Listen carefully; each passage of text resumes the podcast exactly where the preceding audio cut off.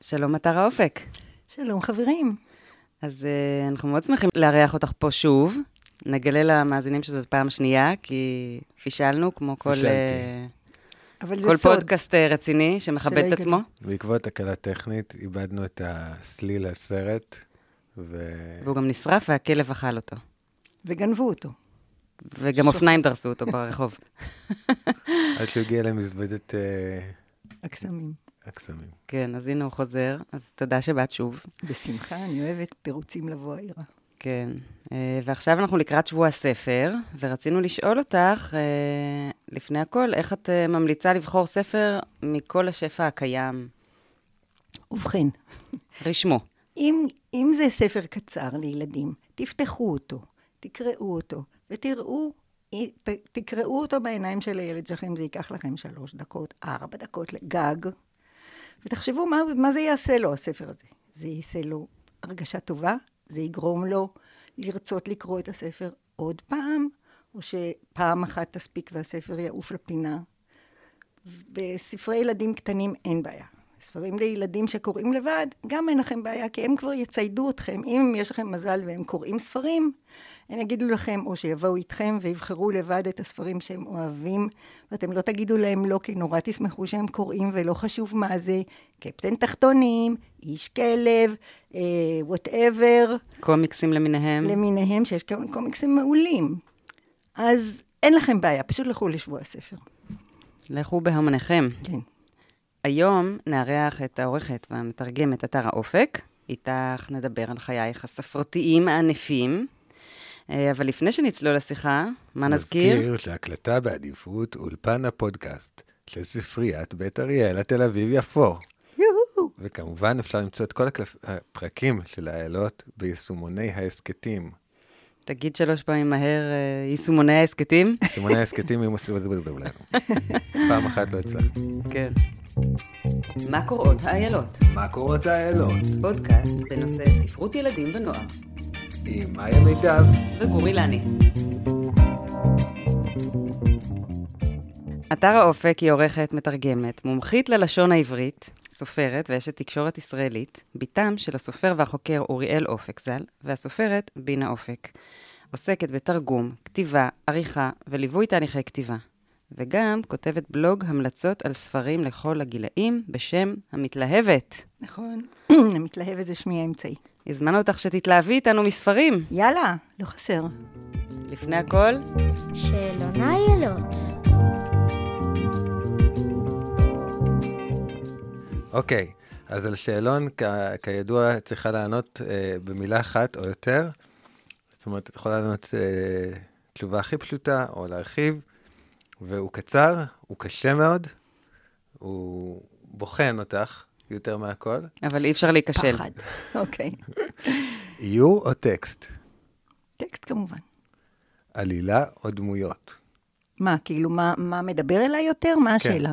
מה, מה, את יכולה לענות על השאלה איך שאת רוצה, אבל... Uh... האמת שהעלילה לא כזאת משנה. אם אתה נקשר לדמות, אם אתה מתאהב או את מתאהבת בדמות, אז זה לא משנה מה היא תעשה, וכמובן, כישרון הכתיבה של הסופר, כפי שאני עוד מעט אדגים כשאדבר על יצחק זמיר שכתב על קנגרואית מדברת, וזה לא משנה, זה היה יכול להיות גם עכבר רקדן. איך אתה כותב? זאת השאלה. דיאלוגים או תיאורים? דיאלוגים, ברור. מישהו ענה תיאורים אי פעם? עדיין לא, כי אנחנו חושבים להוריד את השאלה הזאת, בגלל כן. שהיא... אה, ברורה מדי. זה כאילו כנראה לא אופנתי תיאורים. תראי, אנחנו התרגלנו, העברית הכתובה היום היא בעיקר כתוביות שרואים בסדרות, לצערנו, ואלה תמיד דיאלוגים. וככל שהם יותר קרובים לשפת הדיבור וטבעיים, ככה יותר טוב. אז גם אתה רואה את זה גם בספרים. כן. ולתיאורים, למי יש כוח? תיאורים זה מה שאתה רוצה לראות כהוראות לבמאי, בתסריט או לתפאורן וכולי. אז מתי כן לשים תיאורים? במאה ה-19. לא, יש, יש מקרים שצריך, אם, אתה, אם, אם אין לך צייר לספר, כי אני תמיד מדריכה, כשאני מדריכה כותבים, כל מה שהצייר יכול להראות בציור, אל תכתבו עליו. תנו לו, תנו לו לעוף עם מה שהוא חושב, איך החדר נראה, ומה, אל תכתבו לי, לבשה חולצה צהובה עם נקודות אדומות, עזבו את זה. ומה היה על השולחן, ואיך נראתה העוגה, וכולי. אז כשיש לך צייר, נהדר. אם אין ציורים, אז כל מה שיכול לקדם את העלילה או את הבנת הדמויות, בוודאי. אז התיאורים, זה- התפקיד שלהם, להוסיף רובד למה שאתה קורא.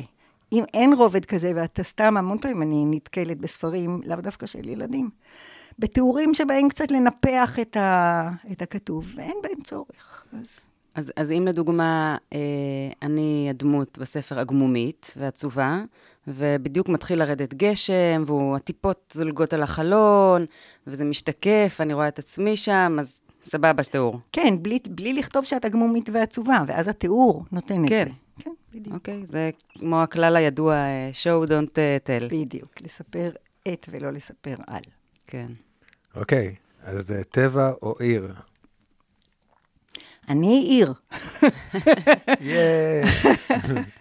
אבל גרה בטבע יחסית. גרה יותר בטבע מכל מיני אילוצים אחרים, אבל טבע זה נחמד לשישי שבת. אני, אני מסכימה. כן. ולטיולים. כשגרתי בעיר, אז שישי שבת תמיד הייתי ממש סובלת אם לא היה לי לאן לנסוע, כי גרתי בבניין שלא היה, לא הייתה לו חצר.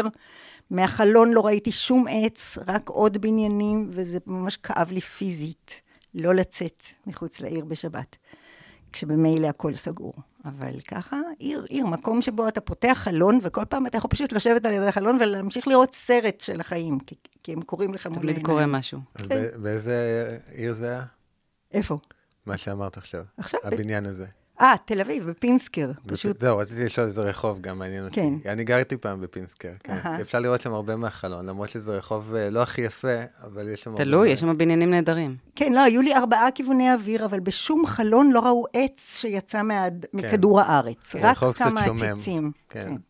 כן. בואכה אורבני, אלנבי. אורבני, כן. באלנבי, אגב, ביום כיפור אפשר לראות איזה רחוב יפהפה ומלא עצים, זה לא רואים את זה בדרך כלל. נכון, נכון. ובניינים, וואו. מדהימים. כן. והשאלה האחרונה, תכנון מראש, או כתיבה בלי לדעת מה יקרה. אילו הייתי סופרת, יכולתי לענות לך תשובה אחראית. הפעם היחידה שכתבתי והרגשתי מה זה להיות סופר, זה היה כשכתבתי את הספר הרביעי של סדרת השמינייה, שבו היה לי חופש. גיורא לא נתן לי שום צינור, הוא לא היה מעורב. היו לי רק, הדמויות, היו לי רק הדמויות. ואז הבנתי מה זה, שידידי שי קפון פעם אמר לי, סופר פשוט צריך, אם הוא טוב, הוא כותב את הסיפור שלו מהנצח, ולא מפריע לו. הוא נותן לסיפור להכתיב אותו, והוא רק הכלי שלו. עכשיו, אה, אם אתה כותב רומן עב כרס, מן הסתם אולי כדאי שאתה תבין לאן זה מוליך. אבל אה, בדרך כלל, מה שהבנתי זה שהדמויות כבר יכתיבו להם. אתה בורא דמות מתוך הנצח, אתה כותב אותה מתוך הנצח, והיא מתחילה לחיות בך, ואתה מתחבר אליהם, והן מכתיבות לך מה לכתוב. אז לפעמים אתה כבר יודע את זה מראש. יש כאלה שבלהט הכתיבה כותבים, אני לא יודעת. אחר כך, ברוך השם, יש עורך שאומר, שמע, נסחפת פה, בוא נזיז את הפה לכאן, וכאן תעשה closure, ו... כן. אה, אוקיי, אז יש לי עוד שאלה. זה דבר יפה שאלה להגיד. אה, לקטוף אה, מהנצח. שאלה כן. חדשה לשאלון. קדימה. עורך מתערב או עורך אה, שקט? תלוי בכתב היד שאתה מקבל. אני למשל עכשיו תרגמתי ספר ילדים שהוא חלק מסדרה שאולי עוד נספיק לדבר עליו בהמשך, ואני עכשיו עורכת את עצמי, כי לא, אלה שרציתי. שיערכו אותי לא, לא, לא היו פנויות או לא הסתדר.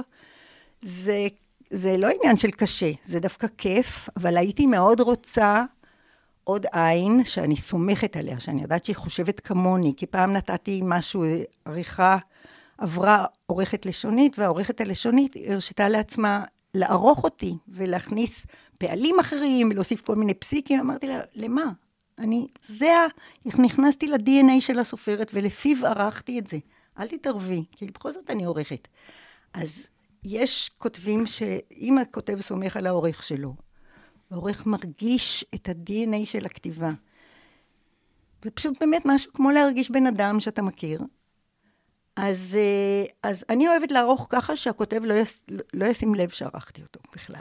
שהוא פשוט ירגיש שהסיפור שלו עבר כמו אצל קוסמטיקאית, שיוף, החלקה ומקצוע קטן, וזהו. פתאום אה, זה מרגיש יותר נכון, והזרימה יותר טובה. כן. תראי, גם אה, בסיפור לקטנים זה משהו אחר, כי בסיפור לקטנים תמיד יש איזשהו סאבטקסט נורא סמוי. שהילד אמור לקלוט אותו בלי מילים. עכשיו, לפעמים הכותב לא ממש יודע איך, להז... איך, איך להוציא את זה, או לפעמים אולי גונב את זה למקום אחר ולא טוב, שיגרום לילד להרגיש נורא מהסיפור הזה שהוא, שהוא קרא. שכאילו המבוגר האחראי שם בסיפור הזה הוא מבוגר מאוד לא אחראי, וככה הסיפור נגמר או משהו. אז כן, בסיפורים לקטנים צריך לפעמים להתערב מאוד. גם הייתה איזו סופרת שכתבה איזשהו סיפור על ילד שמישהו הרב... אה, אה, קילל אותו ובעט בו, אז הוא הרביץ לו והילד נפגע. ואז מענישים את הילד שפגע, אבל הילד ההוא התחיל. איך, כאילו, יש סופרים שאתה צריך ממש לקחת אותם ביד ולהדריך אותם. כן, אבל, אבל את, לה... את השוטרת, את קובעת מי צודק בסיפור? אני קובעת שאם ילד התחיל והרביץ, הוא זה שהתחיל, אי אפשר להאשים את הילד שהגיב. זה לא, זה פשוט לא אלה כבר שאלות חינוכיות. העורכת היא שופטת? להרבה פעמים, כן, בטח. למשל, אותה סופרת כתבה על ילדה שהייתה, נשארה לבד בבית, והיא נורא רצתה את העוגיות, היא טיפסה על כיסא, והיא לקחה את העוגיות, ואז נפלה, ואז האמא אמרה לה, את רואה, זה העונש שלך. זאת אומרת, האמא לא קלטה שהילדה במצוקה הייתה, בגלל כל מיני דברים. כי היא הייתה לבד בבית? בין השאר לבד בבית, יש גם רקע. לפני זה, שאתה מרגיש מצוקה, היא רוצה קצת נחמה. לא מענישים ילד, אני לא אוהבת שבספרי ילדים שאני עורכת יענישו ילד. זה אני לא... אוהבת בכלל שמענישים. זהו. אה, בשביל מה יש לנו את המציאות? היא עונש אחד גדול. לא להעניש אף אחד. אז כן, אני, כן, אני יכולה להיות בהחלט שוטרת ויועצת ו, וגם פוסלת. ויועצת חינוכית גם. ניחא. כי את מחזיקה, לא, את מחזיקה איזושהי תמונה יותר גדולה. הרבה פעמים כשאנחנו כותבים, כותבות, אה, אז uh, באמת uh, נובע מאיזה שהם מקומות, ו- ולא יודעים מה, מה יצא. ו- וזה מקום נורא חשוב של העורכת, uh, לראות את זה מהצד. כן. וכאילו מין זום אאוט כזה, התרחקתי מהמיקרופון, בשביל לראות את הדברים הקטנים האלה שאנחנו לא שמים לב אליהם, זה נורא חשוב. בין השאר, הרבה פעמים יש סופרי ילדים שיש להם איזה unfinished business מהילדות, והם פותרים את זה בסיפור שהם כתבו. וזה בעיניי לא טוב לילד לקבל תוצר של unfinished business של איזשהו מבוגר. אלא אם זה מעובד כבר ו... אם זה מעובד, ושלושה צעדים אז קדימה. זה לא unfinished business. זה ביזנס אה, שהסופר אוקיי. מבין אותו, עיכל אותו, ולא משתמש בספר בשביל לשפוך, כאילו בשביל להקיא, או סליחה, לשלשל, את הדבר שמציק לו בבטן. הוא יכול... או לסגור חשבונות עם uh, מישהו. כן. אז, uh, אז כן, אני, אני חושבת שזה סוג של שומר סף קצת, במובנים מסוימים. ספרים לנוער זה כבר משהו אחר. בדרך כלל, הנטייה שלי כעורכת היא להקשיב לקול של הכותב, ואם הוא מצא חן בעיניי, אז פשוט ללכת איתו. לא לעשות לו מהפכות, לא לשנות יותר מדי, ממש אשכרה להיות הקוסמטיקאית. זה העריכה האולטימטיבית, כמו שהיה איתך, מאיה. כן, גילוי אה, נאות אה, כן. שערכת לי נכון, ספר שירים. נכון, מאיה כותבת שירים נהדרים לילדים, ומאוד נהניתי לערוך אותם. לערוך זה קוסמטיקה. זה היה טיפול uh, טוב. כן, אז בואי נחזור אחורה קצת, אנחנו נהיה... אני רק רציתי להעלות פה שאלה בהקשר הזה. כן. בפרק הקודם הייתה אצלנו פה רינת פרימו, והיא אמרה שאנחנו יותר מדי אה, יוצרים סביבה בטוחה מדי עבור הילדים בספרות. אז אה, זאת אומרת, אני מנסה להבין איך זה, איך זה מסתדר. כאילו, מצד אחד, יותר מדי בטוח, מצד שני, את שומרת על, על, ה, על הערכים? או... ש... לא על הערכים. מה שאני שומרת זה כשהילד קורא את הספר, שהוא לא יצא בהרגשה שהעולם שבו הוא חי הוא עולם מעורער, או ש... הוא ירגיש שהוא משהו בו לא בסדר, כי בספר הזה יורדים על מישהו שיכול להיות כל אחד, במקום לקלוט ולהכיל את המצב שלו. זו המטרה שלי, בספר לקטנים. נוער, או נגיד ילדים מגיל עשר ומעלה, אני סומכת עליהם שהם הם, יד, הם ימצאו מה שהם צריכים, אולי תשע ומעלה. לפני זה, אני חושבת שספר ילדים צריך לתת תמונה הוגנת ומאוזנת של העולם, בלי uh, דברים שיגרמו לילד לפקפק בעולם שלו יותר מדי. לא יודעת איך, איך, איך בדיוק לבטא את זה. Um, אבל בעניין מה שרינת אמרה, והספרים של רינת נהדרים, אה, אולי מה שהיא מתכוונת זה שהיום נורא נזהרים אה, לא לספר על ילדים שעושים מעשים שהם כביכול בל. ייעשו. כן, זה בהחלט אחת. הנקודות ש... שעלו. כן, אז ה- נגיד גילגי, או בילבי, שעושה דברים כאילו נוראים ואיומים, קונה חנות ממתקים שלמה לכל הילדים בעיר, שזה נפלא, זה אחד הפרקים הנפלאים ביותר שיש. אה, זה היום כבר לא, מה פתאום, אה, ממתקים, סוכר. כן, יש גם, אה, שוב פעם, באמת, כמו שאת אומרת, איזה שיפוט ערכי היום שהוא קצת השתנה. זאת אומרת, פעם היו יותר משחקים בצורה אחת, היום משחקים בצורה אחרת, נזהרים לא לפגוע בכל מיני... אה, בכלל נזהרים מדי, בוא נגיד ככה. אני חושבת שלא צריך להיזהר מדי, פשוט צריך להיות הוגן והגון, וכשאתה כותב משהו לילד, שתבוא מתוך נקודת מוצא של מבוגר שהילד שבו חי עדיין, ו, ויש לו משהו להגיד לילד. עשיתי פעם מין, את זוכרת את התרשים זרימה שעשיתי, האם כדאי לי לכתוב לילדים? יש כזה, זה וזה כן, לא, אם אתה עונה כן, אז תכתוב למגירה, ואם לא, אז... אני לא, חבל שלא הבאתי את זה כאן. ברוב, אני אז, מקווה שברוב התרשים מגיעים לתשובה לא. אה, זה הרבה מאוד הולך ללא. הרבה מאוד. חבל שלא הבאתי את זה באמת. תשלחי לנו. אה, אבל אני נורא רוצה שנספיק לספר על קדימה, כישרון. קדימה, על קדימה, אני כישרון- מעכב אותנו ואני סתם מעכב. דברים חשובים. כן. אה, כן, אז לכבוד שבוע הספר, תכף באמת נדבר על אה, שלושה ספרים אה, שאנחנו נרצה להמליץ, ותחפשו אותם בדוכנים. אה, ולפני הכל רצינו לשאול אותך, איך זה היה לגדול בבית ספרותי? בת של אה, סופרת ועורך מיתולוגי ואושייה. תרבותית. אני לא יודעת, זה כמו שילדים של אה, אנשים מאוד מפורסמים, לא רואים בהם אנשים מפורסמים, אלא אימא ואבא, אז כנ"ל, אבל שני דברים זה עשה. א', אה, היה לנו בבית שפע של ספרי ילדים, וכל ערב, מגיל מאוד קטן, אבא שלי היה מושיב אותי בחיקו, כיוון שהוא לא ראה אותי כל היום, היה עובד, אז השכבה הייתה שלו, והוא היה מושיב אותי בחיקו, וקורא לי מתוך ספרים מנוקדים, ועד מהרה, ככה למדתי לקרוא. בגיל מוקדם, נכון? וניקוד. אני, אה, העיפו אותי מכיתה א', כי תיקנתי, העזתי לתקן למורה שגיאת ניקוד, אז אה, זרקו אותי לבית. אז אה, אחד הדברים שהיה, זה שבאמת קלטתי את ההיגיון של השפה והניקוד והיופי של מה השפה בוראת מגיל מאוד קטן, ואז לגדול בבית הזה, שהיו בו ספרים, ספרי ילדים עם מסעד עד טפחות, כי אבא שלי אסף אותם, וגם היה לנו, הייתה לנו ספרייה שכונתית באיזשהו שלב ל, לילדים. ו... שהייתם, אה, אמא שלי ילדים היו הייתה- באים לשאול? כן, אמא שלי הייתה ספרנית, זה היה מהחלון של החדר האוכל שלנו, היה חלון. צרפתי כזה, כן. היו אומרים, אפשר לקחת את האופניים שלך עד הספרייה של בינה וחזרה. זה היה כאילו ה- גדול. הנקודת ציון. אז אה, זה היה כמו לילד רגיל לגדול בחנות ממתקים. פשוט כל הב... לא היה לי רגע אחד של שעמום, אני לא זוכרת אף פעם שהשתעממתי כילדה, כי כבר קראתי מגיל שלוש ומשהו, והיה לי כל מה שאני רוצה. אז... אה, לפני אז... שהייתה טלוויזיה, ששאבה את לפני. ה... ואז בגיל לב. שבע נסענו לקנדה וגיליתי את הטלוויזיה ואת הסרטים המצוירים, אבל עדיין אה, המשכתי לקרוא. זה, זה אהבה נושנה, ואני לא יכולה להירדם בלי לקרוא ספר לפני השינה. ספר, עמוד וחצי. אצלי קוראים לזה דף גמרא. נכון, דף ואת אני גמורה. נרדמת, כן. את יודעת, הזכרת פעמיים את המילה ניקוד. יש משהו מיוחד בניקוד? קסום במיוחד? זה נשמע כאילו... ברור, זה, זה סוג של מתמטיקה, זה סוג של היגיון יפהפה שכל כך כואב לי, אבל אני מבינה, הזיזו לי את הגבינה.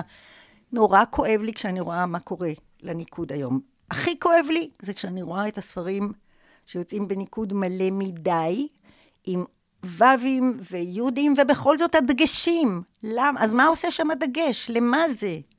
כאילו, אה, אז, אז תוציאו את הדגשים, או אני לא יודעת מה, כאילו, אז אין יותר קובוץ, ואין יותר קמץ קטן, ואין יותר חולם חסר, וכולי, ומה שקורה זה שאנשים עכשיו, בגלל זה, תוקעים יו"דים וו"ים בכל מיני מקומות, כמו מרפסת עם יו"ד, למה? יחשבו שזה מרפסת?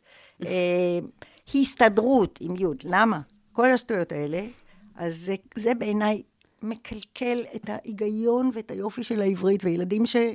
שגדלים לזה היום, אין להם מושג מה הו"בים והיו"דים, ולמה לפעמים זה עם, ולמה לפעמים זה בלי, כמו ההחלטה המטומטמת של האקדמיה עם המילה קול. צהריים. לא, מילא צהריים, אבל המילה קול, כל החיים כתבנו אותה בלי ו'. ככה היינו רגילים, ואז האקדמיה אמרה, רגע, אבל יש כל בסמיכות, שזה כל דבר, כל אחד, ויש כול לא בסמיכות, שזה המקרים הנדירים של אחוז בערך יודע כול, אוכל כול והכול. ואז אנחנו רוצים שזה יהיה עם ו'. והתוצאה, בלבול כולם, לא בלבול, כולם כותבים עכשיו כול עם ו'. מה השגתם בזה, אנשי אקדמיה יקרים? למה זה היה טוב? אף אחד לא חשב אף פעם שכותבים שכשהמילה הזאת היא קל, או הקל, ידעו שזה קול והקול. אבל זהו, מהבחינה הזאת העברית די נחרבת, ואני מודה לכל הוצאות הספרים שעדיין דבקות, וזה רוב הוצאות הספרים, לילדים שעדיין דבקות בניקוד כהלכתו. ואולי זה עוזר לשני אחוז מהילדים שקוראים להפנים משהו מהיופי ומההיגיון שיש בשפה העברית, שכבר הולך לאיבוד. אני רואה, אני רואה איזה יתוש אה, חג מסביב לראשך, ואני רואה שהשיחה אה, על הניקוד מעצבנת אותך כמו עקיצה, ש... עקיצת יתוש. נכון, זה, זה קשה, זה... זה כואב כי אני. אוהבת, אני אוהבת את העברית, ו, ו, וחבל לי שהילדים היום גדלים לתוך עברית. שהיא כמו דייסה, סוג של דייסה. זה נהיה מין עברית מדוברת שאין בה שום היגיון בכתיבה. צעקנית כזאת, כאילו הכל. זה כזה, כן. אני לא יודע, זה... גם בשמות יש סלט. אה, הרי המון מהשמות הם עכשיו אה, גם לבנים וגם לבנות, וכותבים אותם נוח בשבע שגיאות. ואני רואה לפעמים אה, באמת שם שאני אומרת, אתם לא קראתם, לא עשיתם גוגל לפני שכתבתם את השם? זה ממש אה, כואב? לראות מה את זה. תני דוגמה. הבת שלי אה, לא אוהבת שכותבים את השם שלה עם שני י' אחרי הגימל, אביגיל ייל. כן, כאילו, כן, השני נורא. יהודים האלה, כמו כן. בית, פתאום יש שני יהודים, זית. צריך שני יהודים מה בבית? פתאום? לא. אף אחד לא קבע את זה. אני, דרך אגב, מאיה בלי א', אז אני עוד... אה, את מורידה אותיות. כן. מראש כן. באתי עם פחות אותיות. אה, כן. טוב, זה דיון ארוך ו... כן. כן, הרגתי את אבל היתוש. חשוב, חשוב, יופי. אה, כן, חשוב לשמור על על האסתטיקה של השפה, אני מסכים. גם הצורנית, חשוב, אבל זה לא יקרה כבר, זה, אנחנו בדרך מטה. צריך להבין את זה. זה יהיה, כי מה קרה? פעם היו צריכים לעשות, פעם דקדוק היה פשוט. היום מישהו, ב, היום, בעשורים האחרונים במשרד החינוך קלקלו את לימודי הדקדוק והכניסו דברים שטוב רק למוגבר, לאקדמאים, אזכורים ועוגדים, וזה... הוציאו את כל החשק ואת כל הטעם ואת כל התיאבון מללמוד עברית. היה צריך ללמד פי אל פועל, להתפעל, כאלה, עבר הווה עתיד, אה, וזהו, קצת שורשים, מה זה שורש? כי זה עוזר להבין את השפה. גמרנו. שידעו להגיד אה, אני אשים ולא אני אשים. נגיד, עכשיו אין, אי אפשר, כי זה מגעיל. אני ניסיתי פעם להכין קרוב משפחה שלנו לבגרות בלשון, ופשוט תלשתי שערות, אמרתי לו, לך, אני, לא, אני לא מבינה פה כלום, אני הייתי נכשלת, מה זה הדבר הזה? אוי ואבוי. אז, אז אה, לכן, אני אומרת, אם הסיכוי היחיד לתקן את המצב, זה ככה. א', להוציא, שו- אין שיעורי דקדוק יותר. אין שיעורי דקדוק. מה שיש זה, כמו בצרפת, שיעורי לש... אה, ספרות הם יחד עם לשון. המורה, לילדים יש ספר פתוח מול העיניים מנוקד. המורה קורא איתם יחד בהיגוי נכון, וזהו. זהו, ככה לומדים עברית, דרך הרגליים. אם יש למישהו. שאלות. לא, זה כאילו, אה, את יודעת, דרך, כאילו בהליכה. כן. לא ב- ב- בצורה מעשית. אם יש למישהו שאלה, שישאל אה, אם משהו לא מובן, אבל בדרך כלל הכל מובן, זה ספרי ילדים, זה מובן מההקשר. זהו, לזרוק את שיעורי הדקדוק לפח, ואז אולי יש סיכוי שלאט לאט, אחרי כמה וכמה שנים שילדים ככה יגדלו על עברית מלקרוא בכיתה, עם מורה עם דיקציה טובה, מספרים מנוקדים, גמרנו, הכל יהיה בסדר. אף אחד הרי כבר לא צריך ללמוד לנקד, ברוך השם. כן. טוב, נקווה שזה מגיע לאוזניים הנכונות. אמן. כתבתי, יש אה, מאמר שלי בהארץ שפורסם מזמן, שאני מבינה שהוא חלק מאנסינים בבגרות. אה. כן? יפה. יש אותו, הוא מופיע בכל מיני מקומות, אבל אה, לא כל כך הקשיבו לי. מה לעשות? טוב, אולי עכשיו. אה, את רוצה להקריא לנו שיר? בטח. ביקשתם שאני אביא שיר אהוב, וזה שיר שאני פשוט עוד שומעת את הקול של אימא שלי, ששכחנו להגיד, תיבדל לחיים ארוכים, אחרי שאמרת שאבא שלי ז"ל. נכון, נכון. אז תיבדל לחיים ארוכים. אה, שיר של מרים ילן שטקליס, נדמה לי שזה משיר הגדי. יש לה טרילוגיה של ספרים נהדרים שהם עוד מילדות שלי, הם מתפרקים, אז פה זה מצולם. קוראים לזה מעשה בחתול ובשוטר. פעם הייתי קטנה, כשיבולת שטרם גבהה, והלכתי לטייל עם אמא, עם אמא שלי. והנה, ופתאום, מה ראיתי? חתול. הביטי, הביטי, הביטי. חתלתול, עפרפר, זנב מסומר, ושפם, כמו לסבא אברהם. אמרתי, חתול. אמרתי, בוא אליי. חתלתול, בוא אליי, בוא אליי, חתלתול. אמר, מיהו. זנב למעלה, וממני והלאה. רץ עפרפר, רץ מסומר, שפם וזנב, ואני אחריו. חתול! ופתאום שוטר עומד ואומר, לאן זה הגברת כל כך ממהרת? ואיפה אמא? אמרתי, חתול. אולי הלכה קדימה? אמרתי, חתלתול. ואולי הלכה לשם? אמרתי, עפרפר כזה עם שפם. אמר, מי? אמרתי, חתול. יותר השוטר דבר לא דיבר. הושיב אותי על הזרוע, גבוה גבוה, והלך. היו לשוטר רגליים מן הים עד ירושלים, ואני בכיתי, ושפם לא היה לו. בכיתי, בכיתי, בכיתי, ופתאום, מה ראיתי? אמא!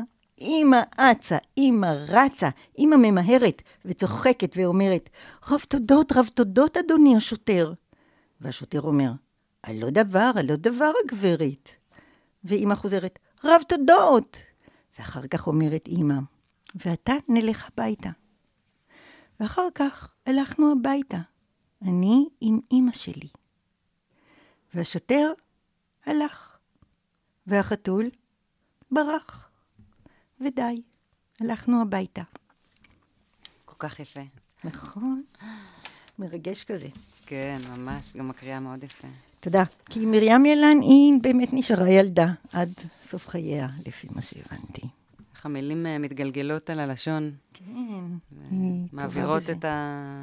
את כל הקשת של הרגשות. אני מאוד ממליצה לנסות להשיג, אם זה עדיין נמכר, את, ה, את הטרילוגיה של השיר הגדי, בחלומי. הוציאו את זה לפני כמה שנים שוב. כוכבים אז, אה, בדלי, אני חושבת. כן, זה יצא שוב, לי כן, יש כן. את זה.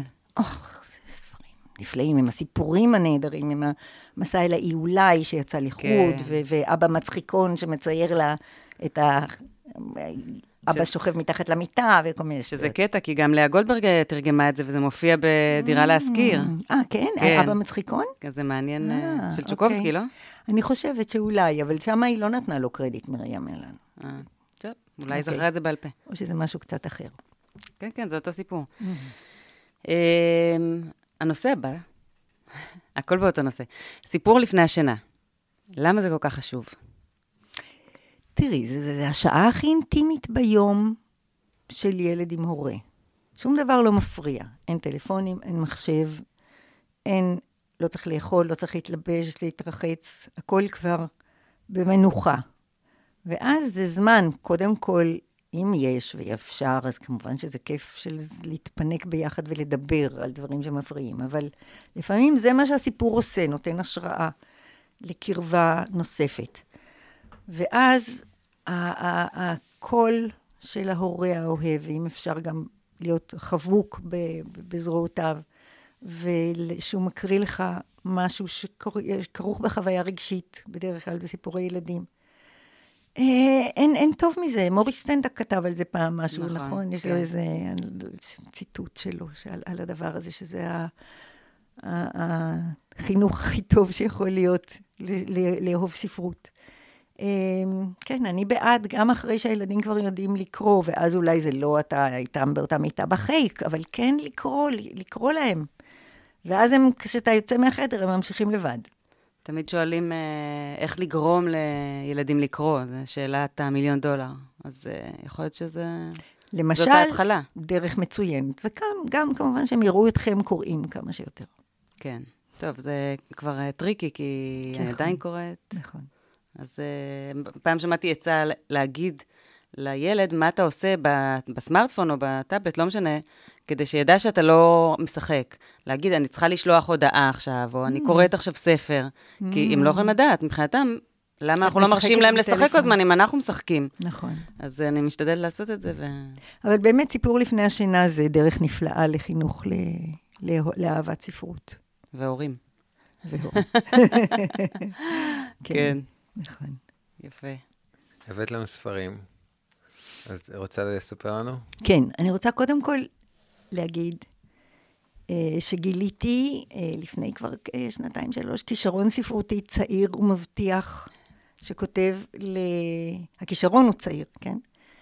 שכותב לילדים שקוראים לבד. עכשיו, למרבה הצער, אין לנו בארץ כל כך סופרים שכותבים לנוער צעיר בצורה כל כך שלוכדת לך את הלב, לא רק בגלל איזו עלילה מותחת או אני לא יודעת מה, כמו פרופסור יצחק זמיר שלנו, שלדעתי הוא אה, אה, קבע שיא עולמי בזה שהוא הוציא ספר ביקורים לנוער צעיר בגיל 89, ושהוא ספר נפלא, ושאחר כך הוא הוציא לו ספר המשך כשהוא היה בן 90, ועכשיו הספר השלישי והאחרון יצא כשהוא בן 92, ואתה לא שם לב לזה, אתה כן שם לב, את כן שמה לב, שמי שכותב את הספר הוא סבא כזה, שמבין, כי הוא נשוי לסבתא רינה, ו- ושהוא חכם, ושהוא מבין דברים, ו- ואין בשום מקום לא, לא כתוב על הקריירה המשפטית שלו, שהוא היה שופט עליון ויועץ משפטי לממשלה.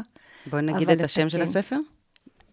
זה שלושה ספרים של, על הקנגורו תום. הראשון זה לשחרר את קנגורו תום. השני, אה, נדמה לי, לאן נעלמה קנגורו תום, כן? והשלישי זה קנגורו תום מגשימה חלום. עם איורים נפלאים של אורית ברגמן. של אורית ברגמן, נכון. והקנגורו, ככה, ככה לחד אותי הספר הזה, כי כשראיתי אותו, אמרתי, טוב, עוד ספר שיצא בעזרת השם. יצחק זמיר, אז הוציאו לו ספר ילדים בהוצאת שוקן, בטח עשו לו טובה. אבל סתם, הקנגורו כל כך קפץ אליי עם ג'חנון, קנגורו שמחזיק ג'חנון באמצע כיכר המדינה. פתחתי את הספר וזהו, הלך עליי. נפלתי בשבי, לא יכולתי להפסיק לקרוא. אגב, נתתי את הספר לאימא שלי, שהיא קצת מתקשה היום להחזיק מעמד בקריאת ספר של יותר מעמוד שניים, אבל את הספר הזה היא פתחה וקראה ברצף, והייתה מאושרת, אמרה לי, מי זה האיש הנהדר שכותב ככה? בחור כי- צעיר. כי הוא באמת כותב כמו שנחום גוטמן כתב וכמו שאריך קסטנר כתב. הוא כותב לילדים, הוא מתייחס אליהם כשווה אל שווים. הוא מתייעץ איתם. הוא שואל אותם שאלות. אני רוצה להקריא לכם כמה שאלות בספר הזה האחרון. אבל יש גם איזה אלמנט חינוכי בשאלות האלה. בספר האחרון, למשל, בדרך כלל, בכל הספרים, בסוף כל פרק, הוא שואל, אה, הוא שואל, מציג לילדים שאלות. אז כאן, למשל, כמה מהשאלות שהוא מציג. ילדים יקרים, אם את ילדה, האם היית מעדיפה להיות ילד? ואם אתה ילד, האם היית מעדיף להיות ילדה? האם הייתם מעדיפים להיוולד להורים אחרים? או, ילדים יקרים, האם גם אתם שומעים לפעמים קול פנימי שאומר לכם מה נכון לעשות? או, לצערי, קנגורו תום לא הודיע לי עד היום מה זה אומר להיות בן אדם. נראה שהיא עדיין אינה יודעת. אולי אתם יודעים? או, נניח שפגשתם בישראל תייר מאוסטרליה, והוא אומר לכם שהוא רוצה להתנהג כמו ישראלי, ושואל אתכם איך ישראלים מתנהגים. מה תגידו לו? שאלות אה, מנחות כאלה שמעודדות אה, דיון. כן, לכן, למשל, רגע, עוד שתי שאלות. ילדים יקרים, האם יש ביניכם מי שרוצה להיות מפורסם? אם כן, מדוע? וגם אחרי פרק שבו קנגורו תום, שהיא קנגורו שמדברת עברית, והיא עובדת כמדריכה בגן גורו, ויש גם חיות שמחלקות ג'חנון וכאלה, בס- בספרים שלו. אחרי פרק שבו קנגורו תום מדברת על בני עמה. ילדים יקרים, יש לי שאלה קשה. מי בדיוק שייך לעם שלנו? וכשהתכתבתי קצת עם יצחק זמיר בעקבות ההמלצות שכתבתי, הוא אמר לי שקודם כל הוא נורא מופתע מזה, הספר קיבל אה, ביקורות, אה, כל הספרים קיבלו ביקורות טובות מאוד באינטרנט, אבל שום גוף של עיתונות מודפסת לא כתב על הספרים שלו. איך זה ייתכן? זה ספרים ברמה בינלאומית, הם כתובים כל כך טוב, כל כך פונים לילד, זה לא כל כך חשוב מה הוא מספר, זה איך הוא מספר, וכמו שכתבתי בביקורת שכתבתי עליו, זה כאילו, כל השלושה, הסיפור, הם בעצם על צדק. זה אמנם סיפור דמיוני על קנגורו שעובדת בגנגורו, אפילו פה הספר האחרון נוסעת עם המחבר לאוסטרליה, אבל למעשה ערמומי שכמותו, הוא מספר על החיים שלנו כאן, על יחסים בין בני אדם, על היחסים של בני אדם עם חיות ועם הסביבה, זאת אומרת על בעיות קלות וקשות ועל הדרכים השונות לפתור אותן. כן, בתקופה כל כך סוערת שכל אחד שואל את עצמו מה זה צדק ו... והוא, ומי צודק. והוא כתב לי שהוא בתמימותו, או לתומו חשב שמורים בכיתות יסוד ומדריכים בתנועות נוער או משהו, ישמחו להשתמש בספרים שלו בתור לדיונים ערכיים עם הילדים, ושום דבר מזה לא קרה. אז אני קוראת מכאן לכל מי שמקשיב, למהר ולרכוש את שלושת הספרים של יצחק זמיר ולתת, להקריא, לקרוא אותם יחד עם הילדים, פשוט לקרוא אותם יחד. הם כל כך טובים וכל כך מצוינים, שאין לי מילים. איזה כיף. כן. איזה כיף לו שהמלצת ככה. נכון. הנה, אחד מהמימרות שציטטתי לו, הוא אומר למשל, אם מישהו אומר לך בהתחלה, אתה צודק, אבל, בסוף הוא יגיד, אבל אתה לא צודק. עם המילה אבל, כן. כן. המילה טריקית. כן. זה כמו שנותנים מחמאה למישהו. כן. את ממש יפה, אבל... לא, או שאומרים, או, סוף סוף את נראית טוב. מה קרה שאת נראית כל כך טוב? כן, זה מסוג הפאסיב אגרסיב, אבל המילה אבל היא כזאת ערמומית. כן, כן. כן. אה, טוב, יפה, והבאנו עוד אה, שני ספרים אה, נכון. יותר קטנים. את רוצה נכון. להציג? כן. אחד זה אמילי ראתה דלת, מאת מל רוזנבורג, רוזנברג נבו, שיצא בהוצאת תלמי. מאיורים של? עם איורים של אורית מגיע שולב, מגיע שולב, שולב, שולב. ציורים נפלאים, וגם הספר עצמו נפלא, ואני מספרת בסוד, שאני ראיתי את הספר כשהוא עוד היה אה, עובר באנגלית, כי התכתבתי עם מייל על, בדברים אחרים, והוא אה, בטובו חלק איתי דברים שהוא כותב, יש לו כמה סיפורים נפלאים בעיניי, שאני מקווה שעוד יראו אור. ואמרתי לו שאמילי זה נפלא, ושהוא חייב, חייבים להוציא את זה. ולשמחתי הוא פגש את אה, יותם שווימר מתלמי, והם התלהבו מהסיפור כמוני, והנה הספר יצא.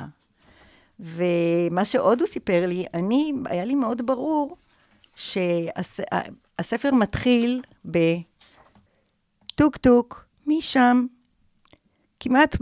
אמילי מגיעה לכל מיני דלתות. אגב, היום הייתה שצריכה לשאול אה, טוק טוק, מי שם, יש לכם מיזוג אוויר? אבל זה רק ב-40 כן. מעלות בחום. כן, בצל. אבל אה, אה, כל, כל פעם היא מגיעה לדלת ואומרת טוק טוק, ואז אומרים לה מי שם, וזה מיד הזכיר לי את knock knock, who's there, כן. שזה ליין שלם של בדיחות ש, שמטרתן לגרום לשואל להרגיש קצת אידיוט אחר כך. כי כן. זה כאילו התחכמו, התשובות הן תמיד... בדיחות קרש כאלה. כן, מתחכמות. כן, דיברתי עם מל אה, בכמה הזדמנויות, והוא אמר לי שההשפעות שלו... הרבה מההשפעות שלו זה מתרבות הנונסנס ה... כן, לגמרי. נכון, אבל מה שהיה יפה... בשפה האנגלית. כן. שאני כתבתי, אחרי שכל מיני אנשים כתבו ואמרו שזה מושפע מ... שזה בהשראת אליס בארץ הפלאות, כל מיני דברים. לדעתי זה אליס אה, פינת אה, אהרון והעיפרון. בדיוק יש שם את הכפולה שהיא מציירת לעצמה את הדלת. אני לא רואה כאן דמיון לאליס, כי אליס זה ספר שבו אליס לא מתפתחת כלל. לאליס לא קורה כלום. זה ספר שבו אליס היא רק עדה לכל מיני דברים שקורים. אבל uh, פה אמילי עוברת מסע חניכה כלשהו. אבל מה שהיה נחמד זה שכתבתי בביקורת על uh, שבעצם הספר הוא בהשראת נוק נוק who's there, אז מל אמר לי שבכלל לא עלה על דעתו, ושאני לגמרי צודקת. כי הדלתות האלה עונות לה כמו הדובר בבדיחות האלה. כן. הן משקרות לה, הן מקשקשות לה בקומקום, הן מנסות להפחיד אותה, הן אומרות לה שהיא לא שייכת. ו... הן אומרות לו שיאכלו אותה לארוחת צהריים. למשל, כל מיני שטויות, שזה ברור גם שזה לא נכון, כל, זאת אומרת, זה הכל מין דברים שבעצם... זה נונסנס, זה לא מפחיד. הדלתות אומרות לה, חמודה, את לא שייכת לפה. ואם את רוצה להיות שייכת, את צריכה לסגל את עצמך.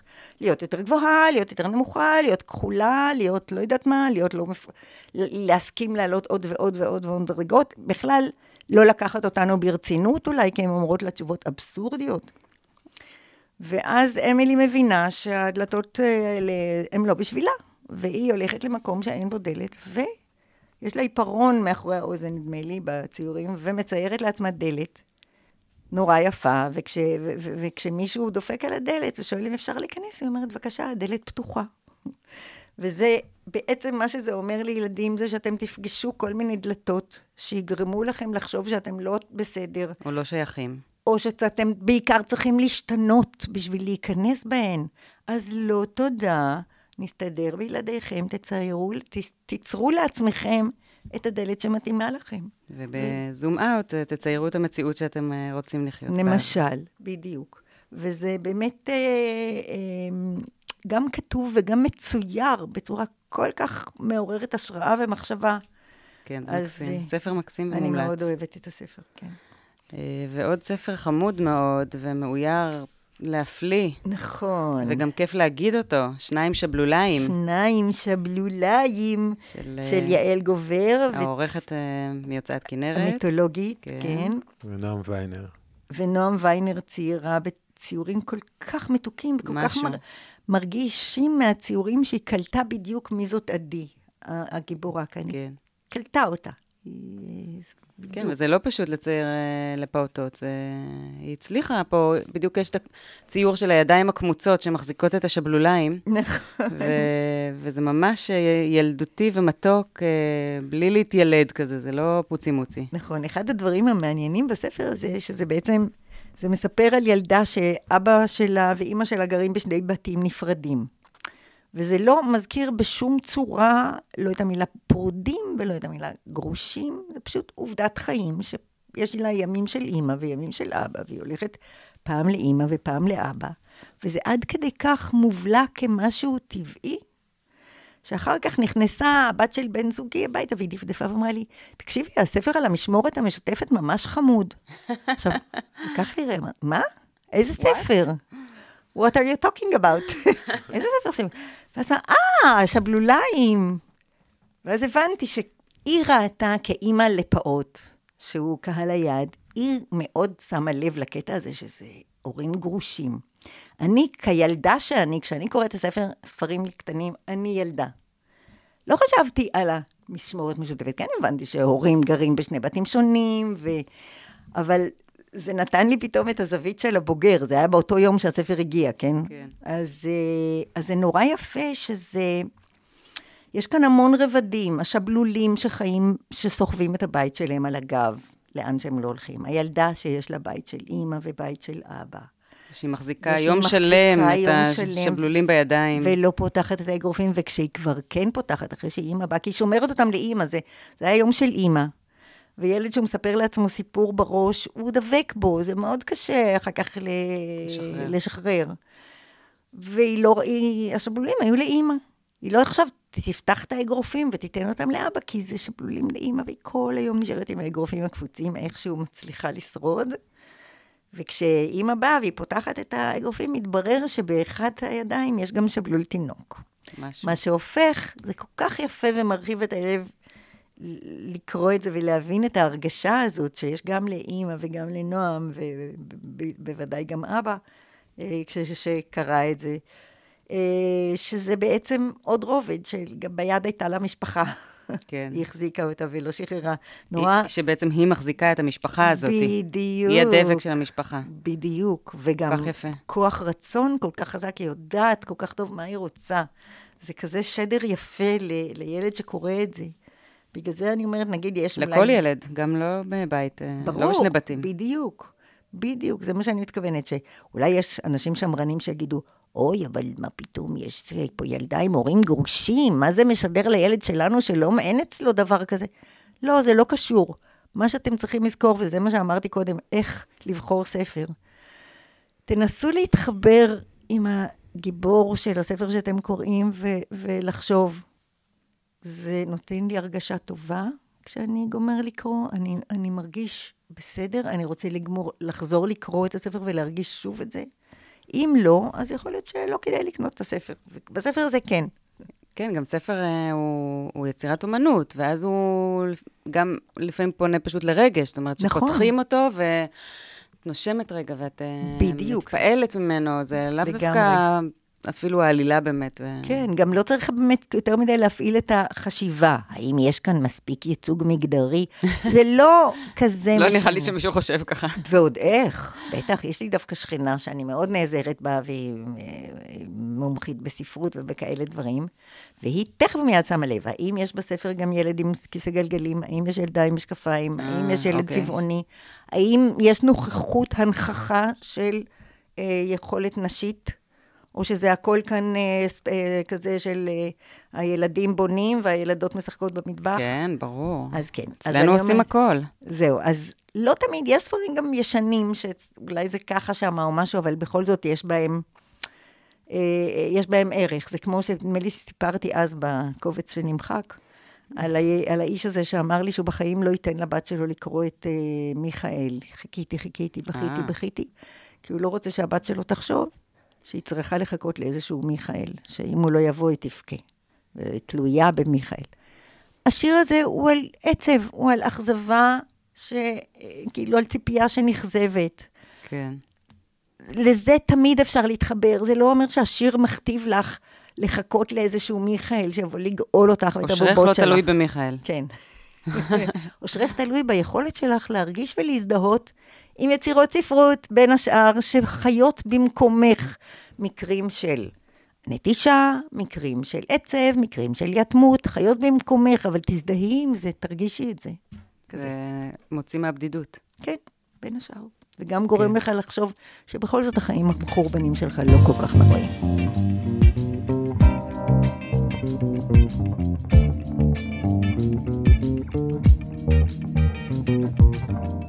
אז מה היה לנו, גור?